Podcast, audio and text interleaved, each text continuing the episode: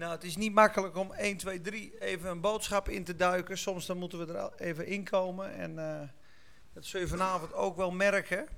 We gaan uh, een hoop teksten lezen. Microfoon even recht. Ogenblikje hoor.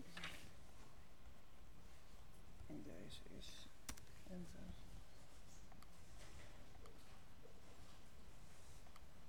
Vanaf beginnen. Mag ik uh, de PowerPoint op het scherm?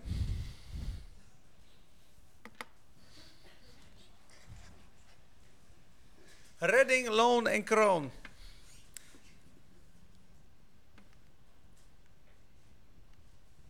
Hij verspringt op jouw scherm, hè? Dat heb ik van die. Uh... Ja, dat is hem.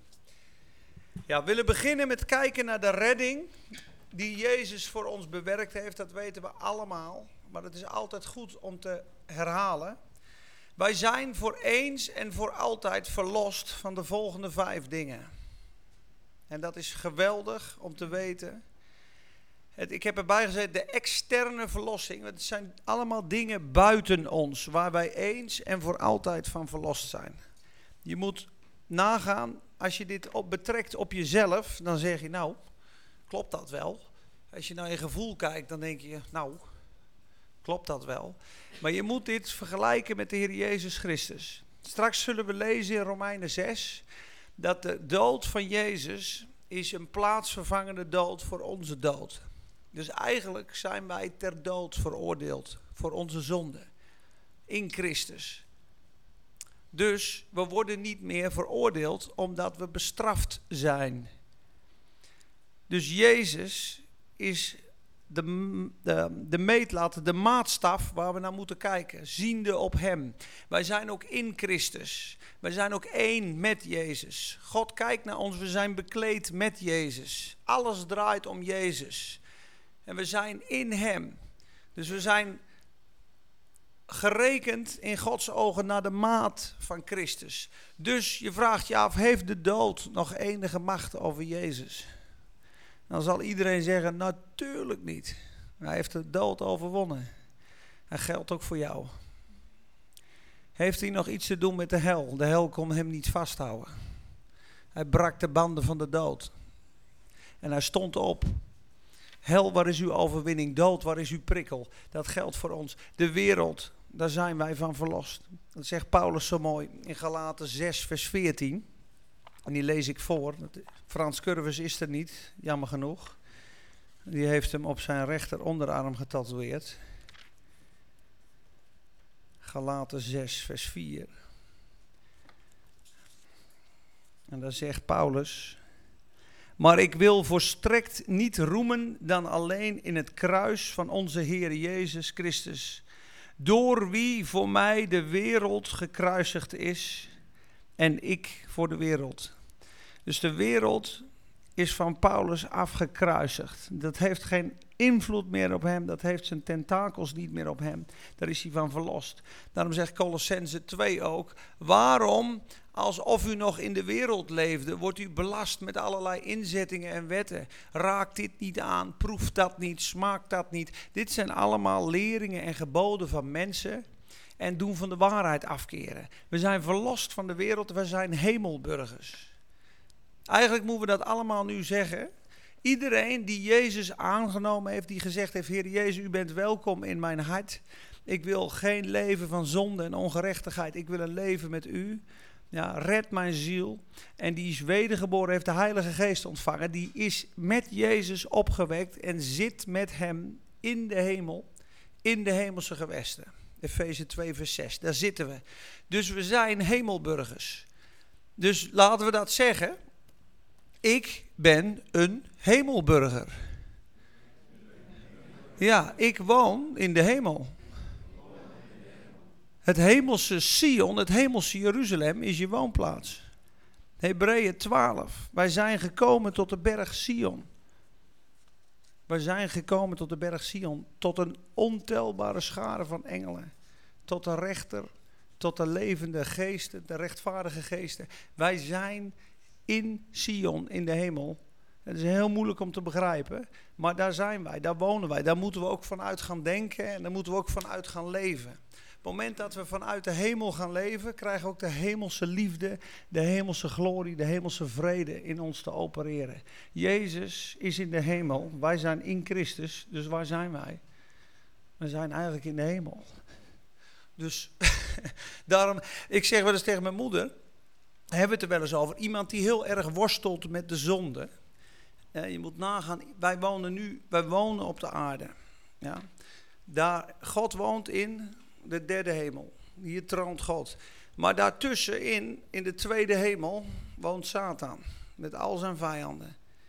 De boze machten in de hemelse gewesten, waar, waar wij, wij worstelen. Het moment dat wij in het vlees leven, in ons natuurlijke denken, in ons natuurlijke mens, leven we een aards leven. Dan zit de hak van Satan op onze nek. Op het moment dat wij knielen, in de dood van Jezus stappen en zeggen: Ik heb niet meer het recht om te leven. Jezus heeft mijn oude leven beëindigd aan het kruis. Ik ben overgegaan van de dood in zijn leven. Ik ben opgestaan met hem. Ik ben gezeten met hem. Ik zit in de derde hemel. Nou, als jouw hak is op Satan. En niet meer zijn hak op jou. Dus een christen die weet wie die is, die in de hemelse gewesten zit, is een nachtmerrie voor Satan. Die spreekt vanuit geloof. Die commandeert de boze. Die is een kwelling voor de vijand. Op het moment dat we vleeselijk leven, is de vijand een kwelling voor ons. Commandeert hij ons. Ga naar links, ga naar rechts. Je bent een slaaf van de zonde. Ga lekker drank halen. Ga lekker dit, ga lekker dat. En nu zeg je, ga achter mij, Satanas. Ik heb kracht en gezag in Jezus. Amen. Dan gaan we naar het mooie gedeelte. Ja, heel graag. Ja, mooie vraag. Ja.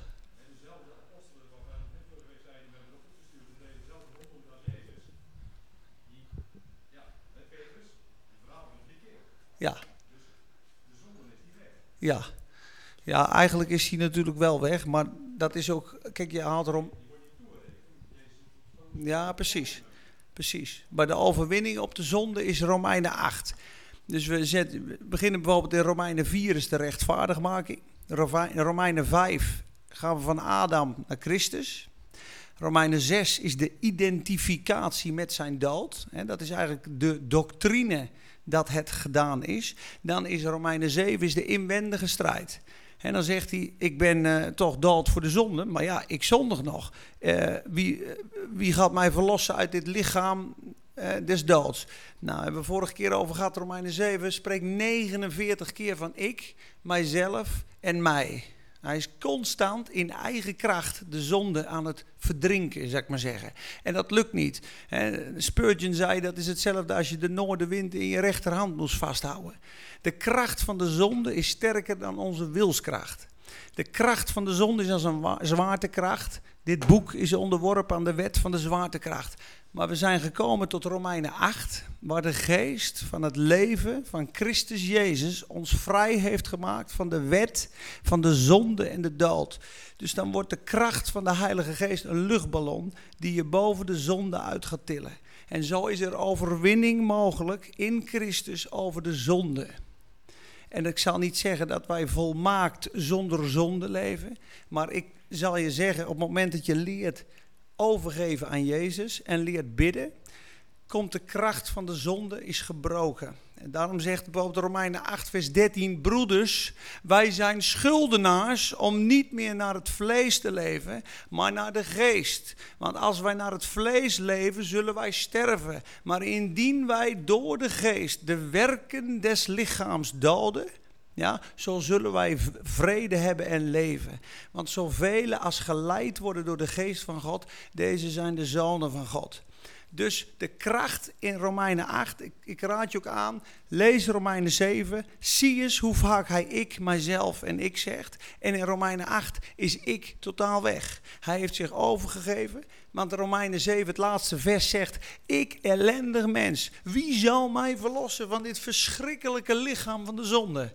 En dan komt hij tot de overwinning, zegt: Ik dank mijn God, door Jezus Christus heb ik nu de verlossing gekregen. Hij is eigenlijk zo aan het spartelen geweest, Paulus, in het water, dat hij verdronk. En op een gegeven moment is hij zich, heeft hij zich overgegeven en is Jezus hem komen redden.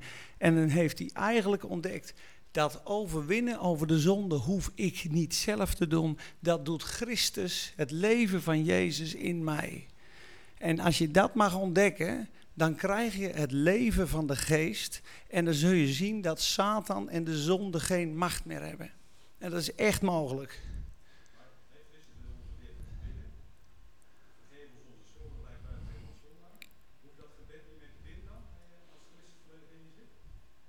Nee, natuurlijk wel.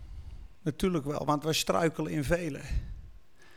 Maar je moet nagaan, als de Heer zegt, de zonde zal geen heerschappij meer over u voeren, want u bent niet onder uh, de wet, maar onder de genade. En dan is het één, het aspect is, het wordt niet meer aangerekend. Maar twee, gaat hij verder, moeten wij dan bij de zonde blijven, hè, dat de genade toenemen? Weet u niet dat als gij u overgeeft aan de zonde, u een slaaf van de zonde wordt en u vruchten voortbrengt voor de dood? Romeinen 6, eh, vers 15 en 16 gaan we straks lezen. Dan zul je zien dat God van ons vraagt dat wij ons overgeven aan de leiding van de Heilige Geest. Op het moment dat je een gekruisigd leven leidt en zegt: Niet meer ik. Niet meer Peter Duist, maar Jezus Christus leeft. Op het moment dat ik stop om de wetten van God te willen vervullen, zegt Jezus Peter: Ik neem het over. Stop maar. Jij faalt 10.000 keer op een dag.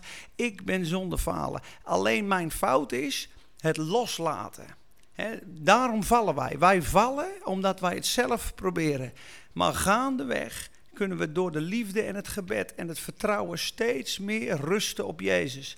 Je kan wel nagaan dat Corrie ten Boom had een leven van vertrouwen. Die had weinig um, zonde die een, een vleeselijk christen maakt. Dat kan ik je vertellen. En een vleeselijk christen is iemand die valt elke dag. En die is gebonden aan de zonde. En die, is, die, is niet, die heeft geen overwinning over de zonde. Zo heb ik ook jaren geleefd. Jaren. Totdat op een gegeven moment Hein Posma tegen mij zei: Maar natuurlijk is er een overwinning mogelijk. Door de Heilige Geest, door die luchtballon. En Davy is er vanavond niet, maar Davy heeft het ook meegemaakt in zijn leven.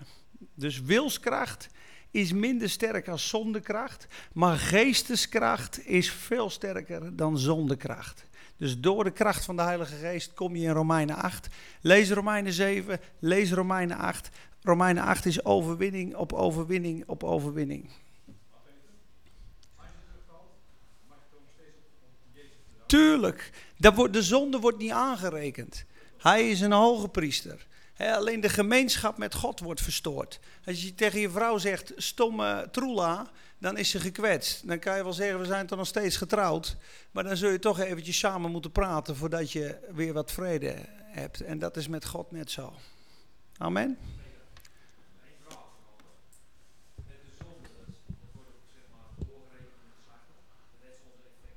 Wat zeg je? De zonde, zeg maar, dat gaat door in de geslachten, zeg maar, dat heeft een effect. Mm Ja, die blijven zeker. Ja. Kijk maar naar David. Hè. David heeft gezondigd met Batseba. Dan komt Nathan eraan. Volgens mij dat 2 Samuel 9. En dan zegt Nathan: Vrees niet, gij zult niet sterven. De Heere heeft uw zonde weggenomen. Dan denk je, oh, klinkt goed. Maar, omdat nu de naam van God te schande is gemaakt in alle rondom liggende volken, zal het zwaard niet wijken van uw huis. Uw vrouwen zullen in de open zon verkracht worden. Is wat, hè? Omdat gij het in het verborgen gedaan hebt, zal ik het u openbaar vergelden. Absalom heeft hem altijd opgejaagd. Het heeft hem heel veel gekost. Dat is Gods oordeel om zijn naam en zijn heerlijkheid te zuiveren. Terwijl hij de zonde weggenomen had. Dan denk je, waar heb je het nou over? U vergeeft mij, u neemt mijn zonde weg. En toch tuchtigt God ons. En als ik natuurlijk dingen doe die absoluut fout zijn, heeft dat effect. Ik kan mijn gezin verliezen, ik kan mijn baan verliezen. Ik kan heel veel dingen stuk maken met zonde.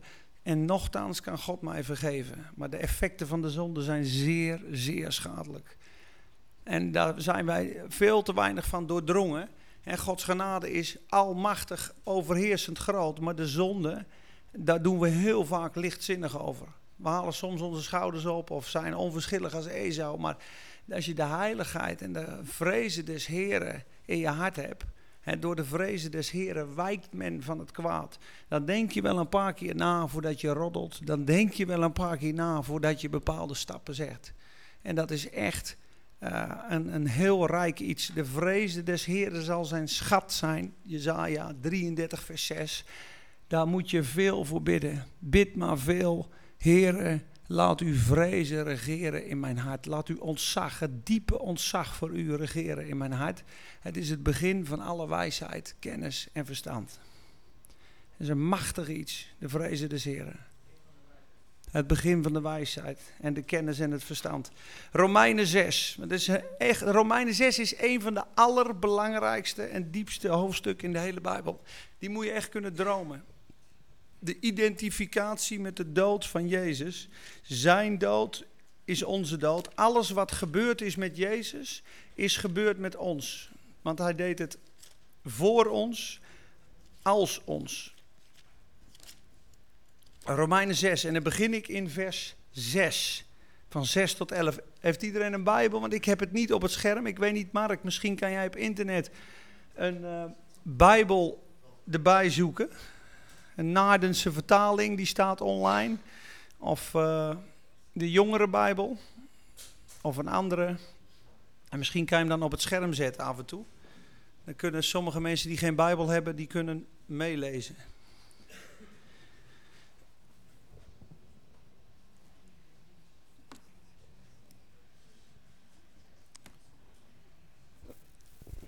Romeinen 6. Ik doe het even zo. Dit weten wij toch, dat onze oude mens met hem gekruisigd is, opdat het lichaam van de zonde teniet gedaan zou worden. En wij niet meer als slaaf de zonden zouden dienen. Want wie gestorven is, is rechtens vrij van de zonde. Als wij nu met Christus gestorven zijn, geloven wij dat wij ook met Hem zullen leven. Dit weten, wij weten toch dat Christus, nu Hij opgewekt is uit de doden, niet meer sterft. De dood heerst niet meer over Hem. Ik hoor gepraat, jongens, een beetje storend. Wij weten toch dat Christus, nu hij is opgewekt uit de doden, niet meer sterft. De dood heerst niet meer over hem. Want wat zijn sterven betreft is hij voor eens en altijd voor de zonde gestorven. Dan mag je jezelf dus invullen. Ja? Let maar eens op. Wat zijn sterven betreft is hij voor eens en altijd voor de zonde gestorven. En wat zijn leven betreft leeft hij voor God. Zo dient ook u uzelf te rekenen als dood voor de zonde. Maar levend voor God in Christus Jezus onze Heer. Laat de zonde dan niet in uw sterfelijk lichaam regeren om aan de begeerte daarvan te gehoorzamen. En nu komt het, is heel mooi voor, voor Roel Wim, vers 13. Hè? Stel uw ledenen niet ter beschikking aan de zonde, maar als wapens van de ongerechtigheid. Als wapens van de ongerechtigheid, maar stel uzelf ter beschikking aan God als mensen die uit de doden levend geworden zijn. En laten uw leden wapens van gerechtigheid zijn voor God. Dus iemand die niet de dood van Jezus heeft ontvangen en niet is wedergeboren, kan dit niet. Dat is iemand die is in eigen kracht. Die zegt, luister, je moet gewoon recht leven voor God. Je moet je leden, hè, je lichaamsdelen moet je inzetten als wapenen de gerechtigheid voor God. Dus ik ga proberen mijn ledenen onder God te stellen. Dat lukt hem nooit. Want de ledenen in zijn, in zijn eigen vlees, dat is als een magneet van de zonde, die trekt hem overal naartoe. En hoe harder hij probeert God te dienen, het goede wat ik wil, dat doe ik niet, maar juist het kwade wat ik niet wil, dat doe ik. Wat is er toch aan de hand met me, zegt hij. Ik ga, ik ga van huis, ik zeg ik ben om 11 uur thuis. En ik kom om 5 uur dronken thuis. En ik wil gewoon om 11 uur thuis zijn. Wat is er aan de hand?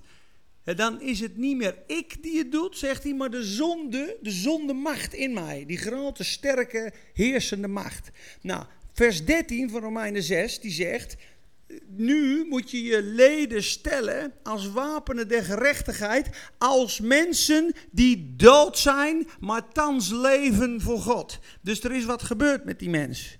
Die mens is aan het einde van zichzelf gekomen, heeft geknield bij het kruis van de Heer Jezus, heeft gezegd: Ik staak mijn pogingen, ik staak mijn gevecht met de zonde, ik geef mij over, ik kan het niet, ik ben een hoereerder, ik ben een gokker, ik ben een leugenaar, ik ben een fantast, ik kan het niet meer, ik stop ermee. En dan zegt God: Eindelijk, eindelijk, nou kan ik aan het werk. En dan geeft hij je geesteskracht, bovennatuurlijke geesteskracht, die de zonde verpulvert. Opstandingskracht van de Heilige Geest.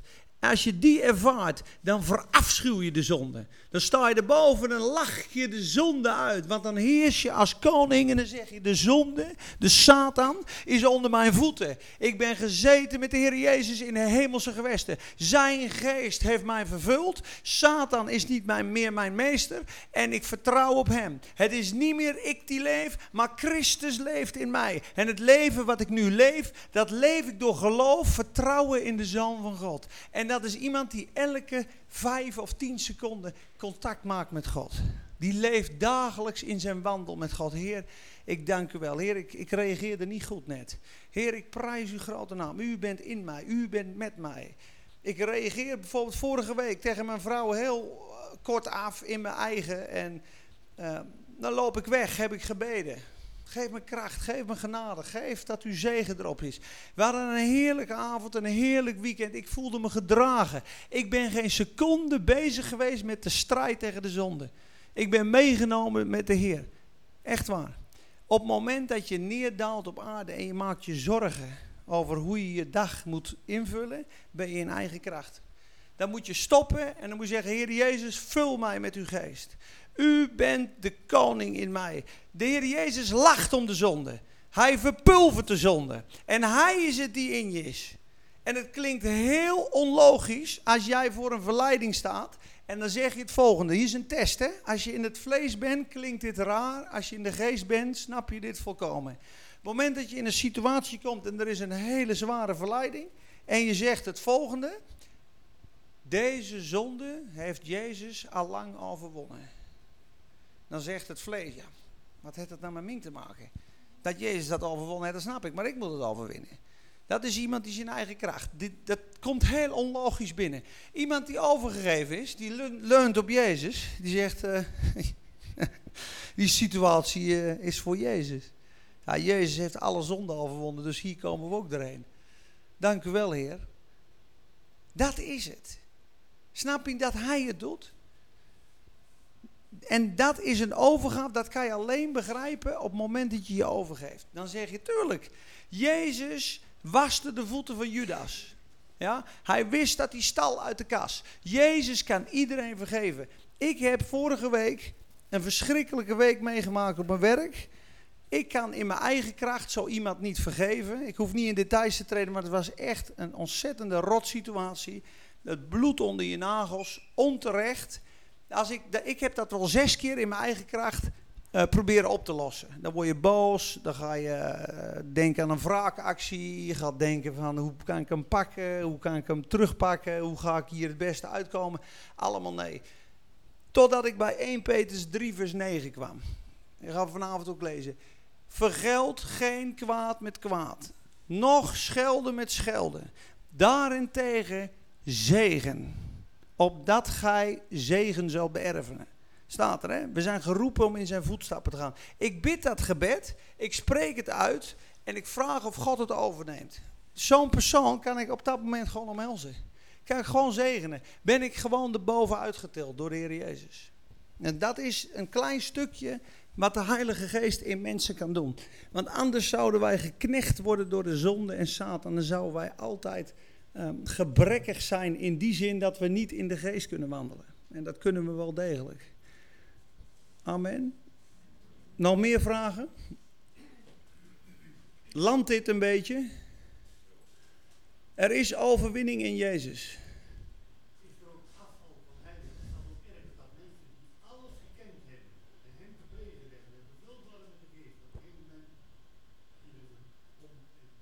Ja. Nee, ik geef je één mooie tekst. Ik geloof niet in afval der heiligen. 1 Johannes 2, vers 19. Indien zij van ons geweest waren, hadden ze bij ons gebleven. Maar zij waren niet uit ons, daarom zijn ze bij ons weggegaan. Opdat manifest zou worden dat zij totaal niet uit ons geweest zijn. Dus mensen die niet volharden en die niet blijven in de leer van Christus. 2 Johannes vers 9, tweede Johannesbrief, achter in je Bijbel, het negende vers. En ieder die niet blijft in de leer van Christus, heeft God niet. Ja? Maar wie blijft in de leer van Christus, heeft de Vader en de Zoon. En dan kom je met het mooie vers Johannes 10. Ik geef mijn schapen eeuwig leven. Zij zullen geen zins verloren gaan in der eeuwigheid. Niemand zal ze uit mijn hand rukken. En mijn vader die groter is dan alle. Niemand zal ze rukken uit de hand van mijn vader. Er staan zeker 25 moeilijke teksten in het Nieuwe Testament waarvan je denkt...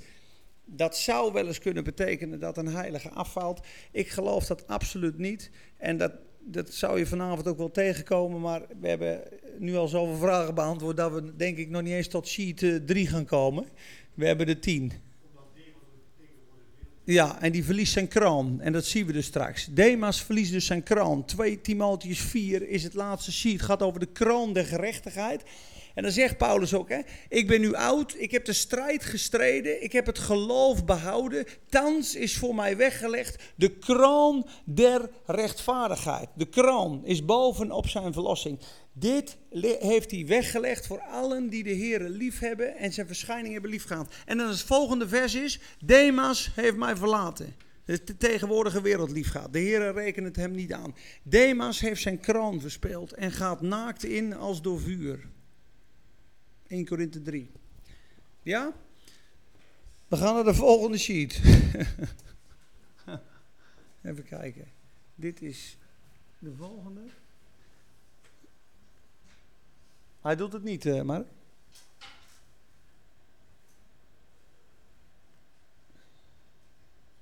Ja. Nou, deze denk ik dat ik even oversla, maar dat is voor thuis. Ik zet dit op de, ook op de site en ik ga het mailen. We zijn verlost van het volledige zondeprobleem. De zondige natuur zijn we van verlost. De zondige daden, eens en voor altijd heeft hij een offer gebracht. Hebreeën 7 vers 27 zegt, als Jezus niet alle zonden zou weggenomen hebben, dan zou hij meerdere malen gekruisigd moeten worden. Maar dit heeft hij eens voor altijd gedaan. De overtredingen heeft hij mee afgerekend. De wetteloosheden heeft hij mee afgerekend. En zelfs de ijdele wandel. 1 Petrus nou, dit is een mooie en dit beantwoordt ook de vraag van mijn vader over afval der heiligen. Je hebt namelijk drie soorten, minimaal drie soorten verlossingen in de Bijbel. Er zijn er vijf of zes, maar die andere zijn heel erg in detail. Daar gaan we vanavond niet op inzoomen. Maar de hoofd drie is ons geest, ons ziel en onze lichaam. Ja, we hebben een geest, ziel en een lichaam. De binnenste, de geest is wedergeboren. Op het moment dat wij tot God komen, dat is eens en voor altijd. Want onze geest wordt herschapen door God zelf. En worden uit onvergankelijk zaad worden wij wedergeboren, zegt Petrus. 1 Petrus 1, vers 23 tot 25. Ja, maar dan zegt hij ook, pa, hij zegt, want de mens is als een bloem, ja, en als het gras wat verdort. Vandaag is hij sterk, morgen is hij zwak. Ja? Maar het woord des Heren is levend en krachtig tot een eeuwigheid. En uit dit woord zijn wij wedergeboren. Dit onvergankelijke woord. Dus zolang als het woord blijft, zolang als Jezus leeft, leven wij ook. Wij zijn verbonden aan Jezus, we zijn geboren uit Jezus, we zijn wedergeboren uit onvergankelijk zaad. Daarom zegt de Bijbel in Efeze, die ons zalig gemaakt heeft. Punt. Uit genade zijt gij gered. Ja, dat is één. In 1 Korinthe 5 vinden we dan een man, die gaat er met zijn schoon, uh, met de vrouw van zijn, moet ik het goed zeggen hoor, de vrouw van zijn vader, gaat hij er vandoor. Dat is een broeder in de gemeente. Paulus zegt, die man moet je buiten de gemeente zetten. Dat zijn lichaam verloren gaat naar de Satan. Maar dat zijn geest behouden wordt in de dag van de Heer. Met andere woorden, die man leeft in zonde. Je zou zeggen, er klopt niks van. Maar Paulus zegt, zet hem maar buiten de gemeente. Die man wil zich niet bekeren, dan zal hij waarschijnlijk vroegtijdig sterven. Satan zal zijn lichaam uh, ziek maken of wat dan ook. Maar zijn geest is behouden in de dag van de Heer. Je ziet hier een wedergeboren mens. Hebreeën 10 zegt, met één offerande heeft hij voor altijd volmaakt. Dus dat is deel 1. Dan onze ziel, die wordt verlost. En dat is wat heel weinig mensen en christenen weten. Wij, wij zijn allemaal geleerd, Jezus is voor ons gestorven, straks mogen we naar de hemel, het is hier een tranendal, het is vallen en opstaan en straks mogen we er komen. Dat is een beetje hoe we opgegroeid zijn. Nou, dat is echt 10% van het verhaal. De Heer Jezus heeft ons vrijgekocht van de zonde en verlost van de zonde. En zijn naam is Jezus. Hij zal zijn volk verlossen van hun zonde. Niet alleen hun zonde betalen. En hij zal ze bekrachtigen. En wij moeten de werken van de Satan vernietigen. En Gods koninkrijk wordt door ons heen gebouwd. En straks zullen we met Jezus regeren als koningen. En we hebben een heel groot plan. En de ziel, dus onze inwendige, dat moet nog verlost worden. Dat is in onze dagelijkse wandel. Onze ziel is ons denken, ons willen en ons voelen. Wij maken elke dag, iedereen die hier zit, situaties mee op ons werk, in ons gezin, waar we linksaf kunnen met God en rechtsaf met onszelf. Dat eigen willetje, ik wil of ik vind, die opinie is een van de sterkste stemmen van ons oude natuurlijke leven. Dat oude natuurlijke leven is nog niet helemaal gered. Dat moet Jezus beetje voor beetje voor beetje voor beetje doen. Dat kan hij niet doen in één keer. Dat is hetzelfde zeggen ze als je 10 miljard volt ja, in een klein iets zou laten lopen, dat zou uit elkaar spatten. Net als je telefoon een adapter heeft om van 220 naar 12 volt in jouw telefoon te laten lopen, het moet omgezet worden. Gods kracht en Gods heerlijkheid is zo groot dat als hij dat in één keer doet, dan kan, dat kunnen we één niet aan. Onze persoonlijkheid kan het niet aan. Dan zouden we uit elkaar spatten. Dus wat doet God? Hij werkt zichzelf beetje voor beetje dagelijks in ons. Dat noemen ze heiligmaking.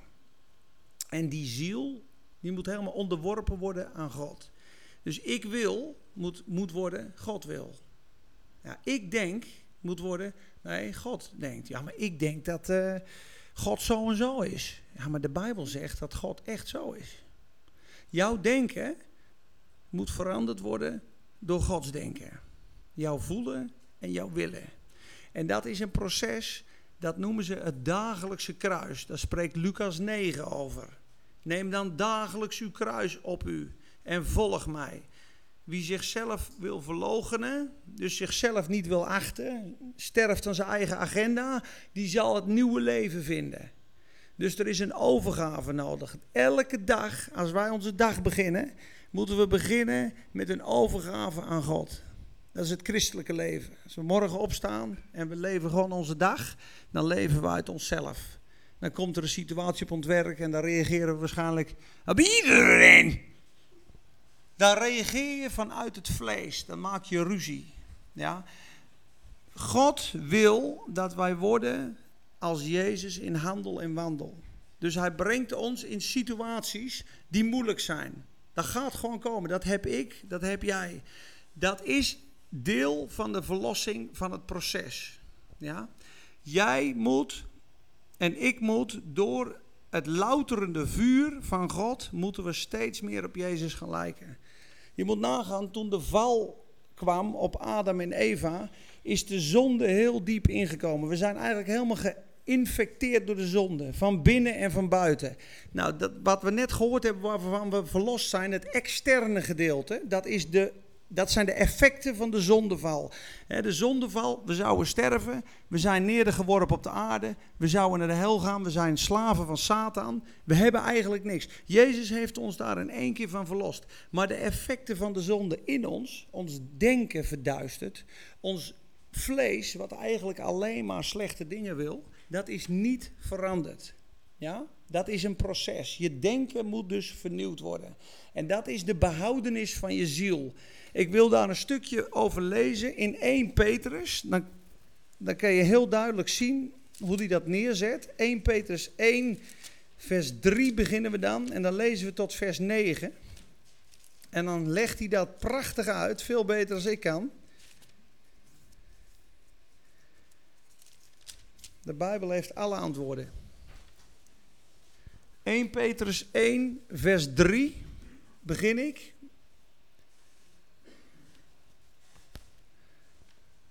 En ik lees tot vers 9.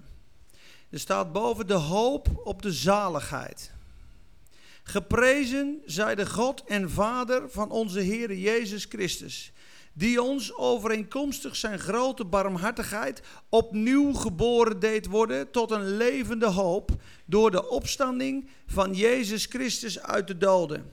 Tot een onvergankelijke, onbevlekte en onverwelkbare erfenis die in de hemelen bewaard wordt voor u. U wordt immers door de kracht van God bewaakt. Moet je nagaan. U wordt door de kracht van God bewaakt. Door het geloof tot de zaligheid. Dit is die zaligheid waar we het over spreken. Let maar eens op. Die gereed ligt om geopenbaard te worden in de laatste tijd. Daar zijn wij nu. Daarin verheugt u zich, ook al wordt u nu voor een korte tijd, als het nodig is, staat er beproefd door allerlei verzoekingen. Dit is omdat de beproeving van uw geloof, die van groter waarde is dan die van goud dat vergaat en door het vuur beproefd wordt, dat uw geloof mag blijken te zijn tot lof en eer en heerlijkheid bij de openbaring van Jezus Christus. Hoewel u hem niet gezien hebt, hebt u hem toch lief. Hoewel u hem nu niet ziet, maar gelooft, verheugt u zich met een onuitsprekelijke en heerlijke vreugde. Kijk, vers 9. En u verkrijgt het einddoel van uw geloof, namelijk de zaligheid van uw ziel. Zie je dat? Dus hij zegt, je bent wedergeboren door de genade van God, door de barmhartigheid van God. Het is een vaste, zekere hoop door de opstanding van Jezus Christus. Dus Jezus is opgestaan. Wat lezen we in Romeinen 6? Wie met hem gestorven is, zal ook met hem opgewekt worden. Ben je met Jezus gestorven, dan word je ook met hem opgewekt. Dat is weer een bewijs dat 1 en 1 is 2. Ja? Ben je tot het kruis gekomen, ben je ook in de opstanding. Straks word je op, op, opgewekt. Dan gaat hij verder. Je krijgt een erfenis. Die is onberispelijk, onverwelkelijk. Die wordt in de, in de hemelen voor u bewaard. Ja? Dan praat hij over moeilijkheden en beproevingen waar we doorheen moeten. Dat we gelouterd worden als goud. En dan zegt hij, verkrijgende het einde van uw geloof, de zaligheid van uw ziel. Met andere woorden, alles wat je op aarde opgeeft voor de Heer Jezus, ja, zul je straks aan loon en kroon ontvangen. Daarom heet dit redding, loon en kroon. Want anders krijgen we namelijk die vraag: ik ben nu gered en als ik zondig, wat dan? Wordt, is er dan afval van heiligen? Nee, als je zondigt, is er geen loon, is er geen kroon en kun je tot schaamte gesteld worden voor de oordeelszetel van Jezus. Sta je straks naakt, ga je in. Dat kan. Zullen we straks gelijk lezen in 1 Korinthe 3. Ja? Op het moment dat je Jezus navolgt als gelovige, ja, je geeft je eigen leven aan Jezus. Je willen, je denken en je voelen. Dan gaat het leven van Jezus door je heen stromen. Ga je vrucht dragen. Ga je tot zegen zijn voor heel veel mensen. Dat zijn de werken, de goede werken, die je straks volgen.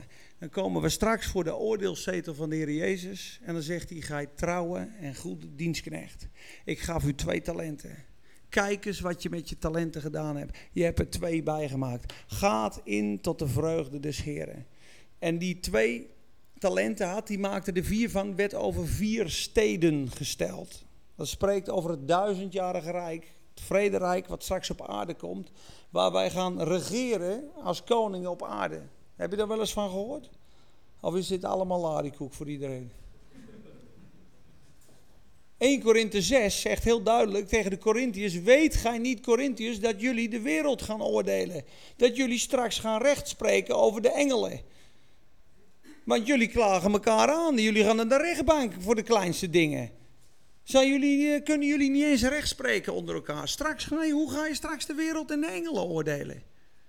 Jullie lopen voor elk wissewasjes bij de onrechtvaardige rechters. Ik zeg dit tot uw schaamte. Weet u niet wie u bent? Dat bedoel ik maar te zeggen, wij zijn gesteld zoals David een herdersjongen was. Ja, en zoals Jozef in de put geworpen wordt, zijn wij allemaal mensen die niks zijn in onszelf. We zijn boerenzonen, we zijn van de heidenen. Maar we zijn door God in de familie van God gekomen. En we zijn erfgenamen van God. We zijn zonen van de Allerhoogste God. Onze Vader is koning van het heelal, koning der koningen. En hij wil dat we in dat koningshuis opgroeien, gaan wandelen zoals hij is, in heiligheid, in waardigheid, in rechtvaardigheid. Dat hij ons straks, zoals die die David op een troon zetten en Jozef op een troon zetten, dat is een beeld dat wij straks op een troon zullen zitten en mede zullen regeren in dit heelal over Satan en over alles wat hij geschapen heeft. Dat is het grote doel. Niet iedereen heeft toch maakt deel uit van die duizend jaar tijd. Niet iedereen, dat klopt. Ja, dat, die, die, die vraag ga ik straks beantwoorden. Anders dan, uh, dat is een hele lange uitleg. Maar uh, die komt ook langst. Als we eraan toe komen. We zitten al op kwart voor negen.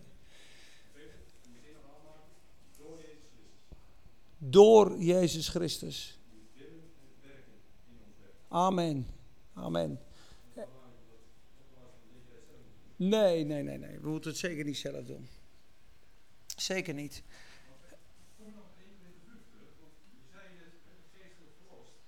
Ja.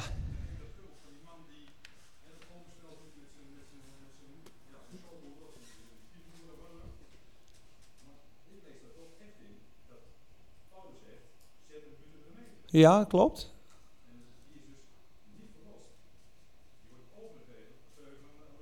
Ja, en wat staat er daarna?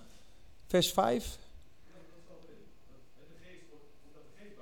Ja. Ja. Nee, zijn geest. Nee, er staat wel eens geest met kleine, kleine letter. Nee, op, op dat de geest, ja. ja. Doe die slechte lieden uit uw midden weg. Ja, want die buiten zijn, die oordeelt. Ja, buiten de gemeente wordt die gezet, inderdaad. Nee, maar hij is gewoon een broeder. Ja, ja, maar hij wordt er buiten gezet omdat hij verontreinigt in de gemeente. En dan zegt God, want die buiten zijn, die oordeelt God. Maar die binnen zijn, dus een broeder, die moet u oordelen. En als iemand die een broeder genaamd wordt in zonde leeft, eet dan niet eens met hem. Ja, omdat hij tot schaamte komt dat hij zich gaat bekeren. Dan gaat zijn lichaam verloren en gaat hij naakt in als door vuur heen. Ja. 1 Korinthe, laat maar naar 1 Korinthe 3 gaan. 1 Korinthe 3. 1 Korinthe 5, daar staat gewoon wat, wat, wat je zegt. Ja.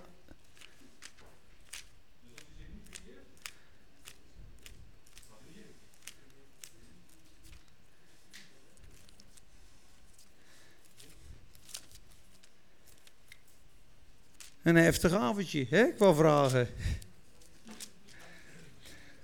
Laten we maar eens kijken wat er gebeurt met iemand 1 Korinthe 3 begin ik. Ik kom straks weer terug bij 1 Korinthe 5. Maar de geest spreekt gewoon, mijns inzien, ze kunnen natuurlijk een discussie over hebben, over die persoon zelf. Ja. Nee, de geest. Ja, maar, niet, ja, maar de geest wordt niet de gemeente mee bedoeld natuurlijk. Ja, ja, dat zou kunnen. Dat zou kunnen. Uh, 1 Korinthe 3 vers 10. Overeenkomstig de genade van God die mij gegeven is, heb ik als een wijs bouwmeester het fundament gelegd. En een ander bouwt daarop. Ieder dient er echter toe op toe te zien hoe hij daarop bouwt. Want niemand kan een ander fundament leggen dan wat gelegd is. Het fundament is Jezus Christus. Punt. Dus Jezus is het fundament. Dat staat, daar kan je niks meer aan afdoen, daar kan je niks meer van afhalen. Punt. Klaar volbracht. Het is volbracht is het is volbracht. Daarom kom je ook om die, die vraag, als je dus de eeuwige verlossing wil benadrukken, als je dus een duidelijk stuk wil, Romeinen 8, vers 28 tot 30, er is niet duidelijker.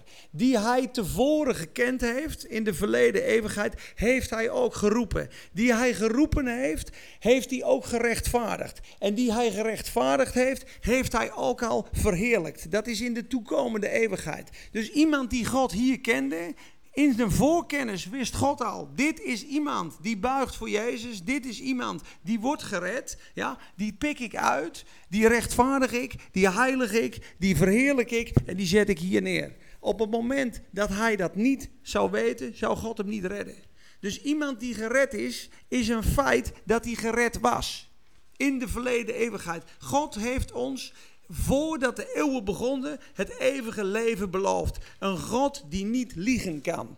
Dus dat betekent dat als hij hier Raymond apart gezet heeft, dan Raymond 100% zo zeker ook hier is.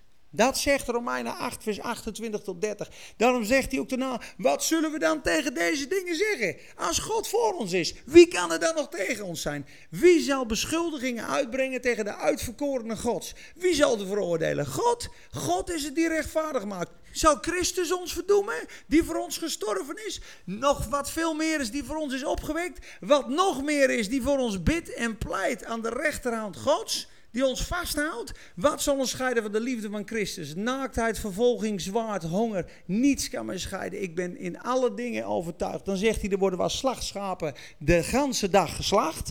Maar in dit alles zijn we meer dan overwinnaars. Want ik ben verzekerd dat nog dood, nog leven, nog heden, nog toekomst, nog engelen, nog machten, nog krachten ons kan scheiden van de liefde van God en de liefde van Jezus, welke is in Christus Jezus. Dus dat is voor mij het vaste fundament waarop ik bouw. Want op het moment dat er dus een afval is door mijn zonde, zouden mijn zonden groter zijn als de genade van God en het bloed van Christus. Ja, maar dan is die man in Korinthe nooit een broeder geweest. Nee, maar. Ja. Ja, maar er waren geen echte. Maar dit. Ja, maar dit was een broeder. Dit was een broeder, dat kun je duidelijk lezen. Ja. Ja, maar dat, zou, dat kan een discussie worden, maar dat is niet zo opbouwend voor de hele groep, denk ik nu. Daar kunnen we wel een keer samen over zitten, een half uurtje met de Bijbel open. Maar ik denk dat het dan uh, 25 minuten wordt. Dan ga ik jou overtuigen dat het wel een broeder was en jij zegt de geest is de gemeente. Dus da daar komen we niet heel ver mee, denk ik. Um, ik ga nog even doorlezen in 1 Korinthe 3, want we, we, zitten in vers 11. Niemand kan een ander fundament leggen dan dat er ligt. Punt, hè? Dat is dus wat, dat is ons startpunt. Jezus is het fundament, Da, daar, daar moeten we op gaan bouwen. Dan zegt hij, als iemand op dit fundament bouwt met goud, dat is godzaligheid, zilver is verlossing, edelstenen is rechtvaardige daden, of hij bouwt met hout, hooi of stro. Ieders werk, werk zal openbaar worden. De dag zal het namelijk duidelijk maken, omdat die in vuur verschijnt. En hoedanig ieders werk is, zal het vuur beproeven. Goud, zilver en edelstenen kunnen het vuur doorstaan, de vuurproef. Hout, hooi en stoppelen verbranden. Dat zijn dode werken en goede werken. Ja? Als iemands werk verbrandt, dus dit is een christen, die heeft er een zootje van gemaakt, die heeft alles in eigen kracht gedaan. Ja? Zal hij schade lijden? Wat voor schade leidt hij? Hij leidt schade aan zijn ziel.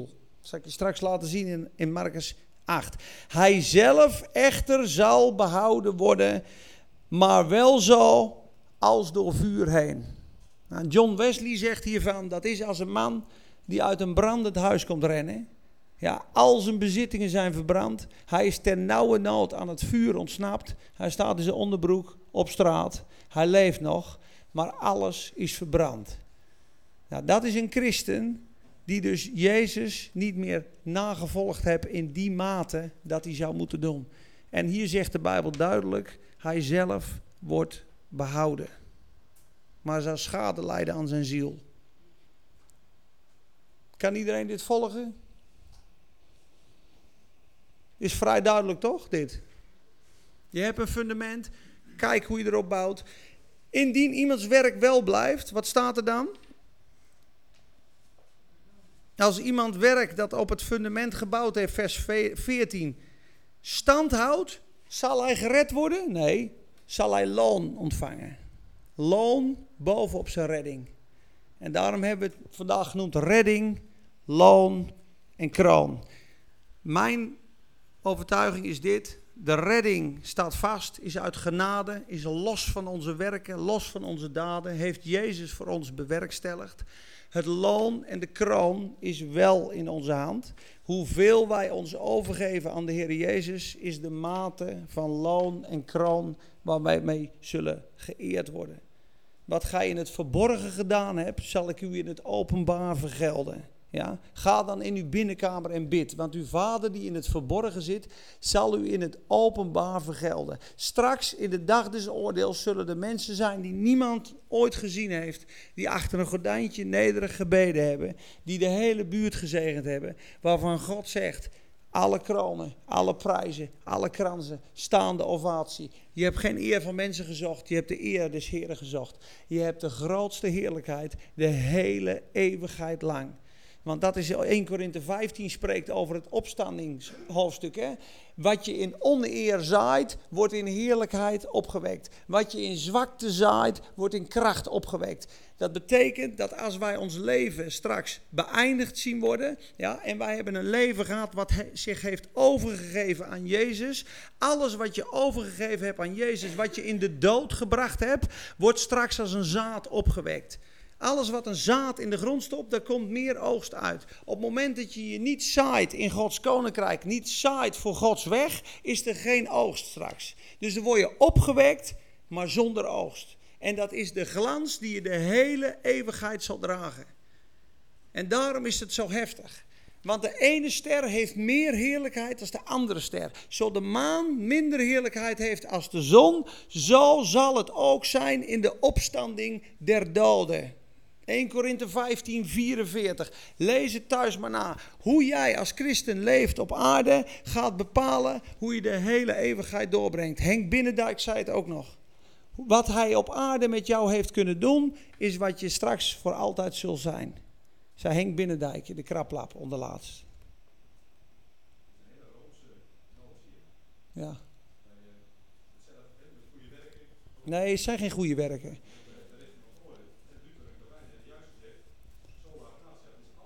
Ja, ja, precies. Ja. Nee, maar dat is stap 1, hè. Stap 1 is sola gratia, dat is de redding. En dan de loon en kroon. Dat hebben we net gezien. Ieder ziet toe hoe hij daarop bouwt. Je had het over het willen en het werken. Twee Filippenzen. Uh, ja, maar wat staat er in vers 12? Werk dan uw verlossing uit met vrezen en beven. Ja, wie vreest er en beeft er? Jij. Want het is God die in u werkt, het willen en het werken. Op het moment dat jij je niet overgeeft aan de leiding van de Heer Jezus, kan Hij niets doen. Dus jouw verantwoording is je knieën buigen en je overgeven aan God. Zoek dan dagelijks het koninkrijk en alles wordt u gegeven. Of je, je gooit je kop in de wind, je bent rebels, je bent wederspannig en God kan niet aan het werk zijn in ons. Dus de verantwoording die een christen heeft, is nederigheid moet buigen. Wij moeten knielen voor Jezus. Dan komt zijn genade. Dan werkt zijn genade alles in ons uit. En natuurlijk gooien ze straks de kronen voor de troon. En zeggen ze: Het is allemaal uw werk. U hebt het gedaan. U hebt het gedaan. Maar iemand die zich niet bekeert, ja, die gaat straks naakt in. En iemand die alles voor Jezus opgegeven heeft, die zal gekroond en geëerd worden. Ja, maar jouw stelling moet wel buigen voor de stelling van de Bijbel natuurlijk, hè? Ja, nee, dat staat niet in de Bijbel. Ja.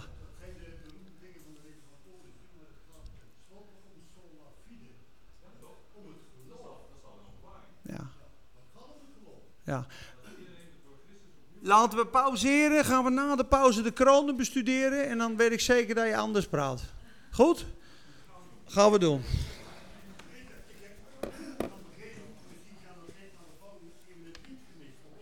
Oh ja, dat heb ik ook vergeten. Jongens, dat ben ik, dat ben ik helemaal vergeten. Na de koffie die twee prachtige nummers die ik uitgekozen had. Wat ontzettend dom, sorry. Vandaar dat we zulke verhitte discussies zijn hier al.